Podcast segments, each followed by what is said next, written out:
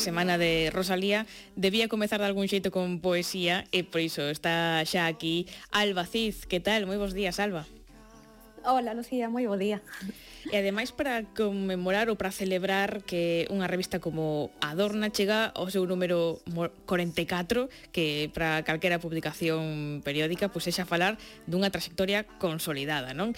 E neste caso Adorna leva por subtítulo Expresión poética galega, así que Alba 44 números, axúdanos un pouco a facer memoria para ver como e onde nace esta revista.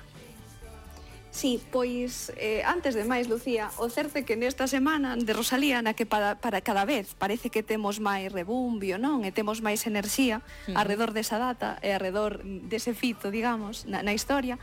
Eh, Dorna ven sendo para min outra especie de catalizador de enerxías, non?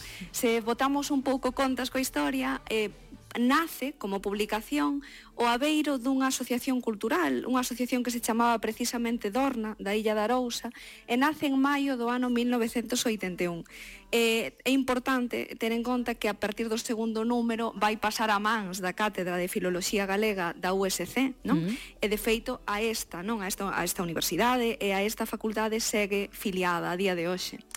Eh, dende ese ano 81 a súa, o seu bogar, digamos, o seu camiño foi desigual, é certo que houbo non anos de moitísimo, moitísima máis enerxía, moita máis potencia, incluso anos nos que houbo homenaxes puntuais e de golpe tiñamos dous números, e houbo outros anos eh, pois de dificultades, como na historia imaginade de calquera revista de poesía, é dicir, dunha revista que de entrada ten como núcleo a edición de poesía e de poesía galega. Sí. Eh, É importante tamén, se o pensamos desde, desde un punto de vista da propia historia recente da, da poesía galega, entender o que procurou facer desde os inicios. Eh, agora que temos tan recente ese ano Xela Arias, pois chega con recordar que a propia Xela foi unha daquelas primeiras sinaturas dos anos 80, non? Entón, moitísima da enerxía, moitísimos dos, dos autores e das autoras deses anos 80 e 90 pasaron por aquí. Moitísimas recensións de poemarios ben relevantes nunha sección que a día de hoxe está desaparecida, chamada Caderno da Crítica, mm. tamén estiveron aí, non? Eh, de alguna maneira, se hoxe collemos aqueles primeiros números, se collemos os números dos anos 80, ás veces temos a sensación de que nos ofrecen case un fresco, non? de que nos ofrecen un repaso panorámico pola poesía do momento. Eh, claro, anos 80, non? E de golpe ano 2022. Sí. Eh, as canles de publicación e as canles de consumo de literatura especialmente de poesía, mudaron moito nas últimas décadas. Entón é case unha rareza que esteamos falando dunha, dunha revista, non dunha publicación de poesía que segue a ser editada hoxe. Pero tamén isto permítenos entender que, bueno, que a revista de poesía máis lonxeva de Galicia é unha peculiaridade absoluta eh, no seu modelo dentro de España, no sentido mm. de estar ligada a unha institución universitaria, eh, saindo, como sae, eh, en coedición co Servizo de Publicacións da USC e máis a Secretaría Xeral de Política Lingüística. Pero é certo que isto será a revista de poesía máis lonxeva de Galicia, permítenos entendela tamén un pouco como que é, non? como un fío eh, de poetas desde os anos 80, eh, sempre, ademais, cun intento de conversa xeracional ou interxeracional eh, eu son moi consciente de que para, para certo público, non? sobre todo para persoas eh, máis ligadas á Universidade de Compostelá, Dorna pode ser coñecida, pero gustaríame moito que todo o mundo entendese, non? que mm. calquera que nos escoite entenda que é un espazo aberto, está mm. sempre aberta a colaboracións e que o que continúa procurando é un pouco iso, manter o pulso do que se fai, poéticamente hoxe en Galicia eh, conseguir certos diálogos, non? Incluso entre artes, iso sempre estivo presente dentro dos primeiros números. Uh -huh. um, a sección, digamos, o piar fundamental da revista sería esa sección de, de creación. Eh, hmm. Quen temos neste número 44 como protagonistas? Eh, cantos autores van aquí? E xa que tamén mencionabas esa importancia da, do debate interxeracional, das conversas interxeracionais, de que idade son tamén o, os poetas? Pois sempre do máis variado.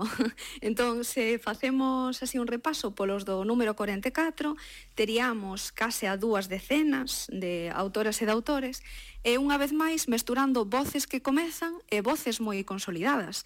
E falo vos de Claudio Rodríguez Fer con varios poemas uh -huh. por aquí, pero tamén de persoas que comezan a escribir como Iria Pérez Álvarez, eh, sempre se procurou eh, que a revista collese sobre todo poemas inéditos, non? Que fose un pouquiño unha vía para a sorpresa e para iso, para testar que acontece neste momento. Pero é certo que tamén acolle, eh, ben interesante, adiantos editoriais ou series, non? Series os, os que o mellor non é máis difícil chegar.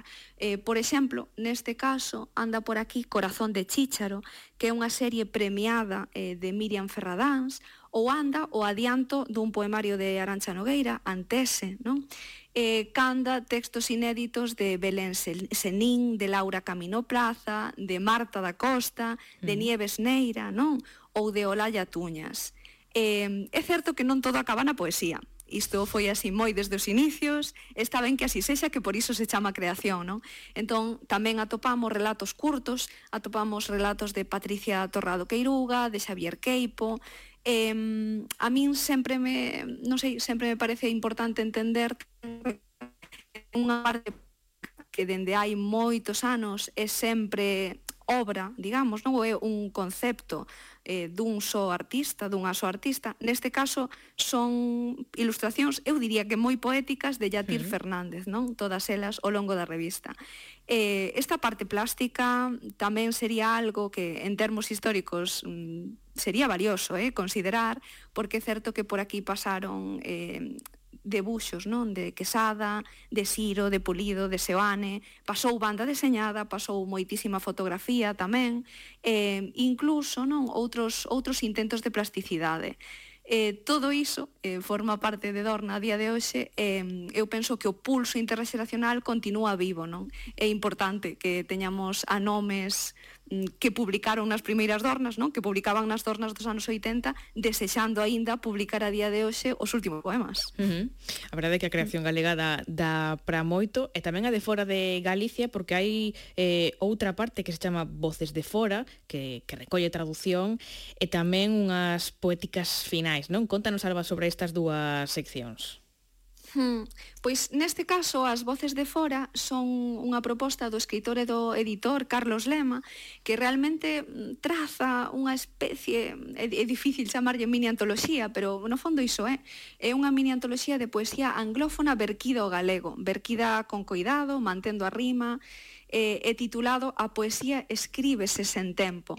Esta parte de Voces de Fora, que ten, ten traído a poetas de linguas super diversas, eh, do italiano, do francés, do inglés, eh, sempre ten unha parte inicial de introdución ou de explicación, non? de reflexión do sentido desa traducción, do sentido deste verquido galego. Neste caso, as reflexións son ben interesantes, gustaríame lervos uns fragmentos mm. eh, para que entendades o punto de partida. Non? O que a poesía afirma, o que a poesía converte en algo firme, é que o tempo non é necesario. A existencia do mundo non depende do tempo. As cousas do mundo, entre elas a poesía, existen sen tempo. A poesía escríbese sen tempo, sen razón, máis empregando a razón. A función da arte non é darnos a verdade, a función da arte é representar as cousas para amosar como poden perseverar na súa existencia. A arte é unha forma de irreductibilidade da existencia. É o experto en dicir é o que di cada cousa de maneira que salienta a súa irreducibilidade. Eh, a min parece un agasallo realmente sí. esta, esta introdución. Eh, logo tamén os, os poemas escollidos, non que, que son Keats, andan por aquí, por exemplo, Keats, Gluck, eh, a recente Premio Nobel, eh, Oden, son poemas que dialogan moi ben e que fían moi fino, non? Realmente é unha En fin, este Voces de Fora é, eh, é ben peculiar neste sentido.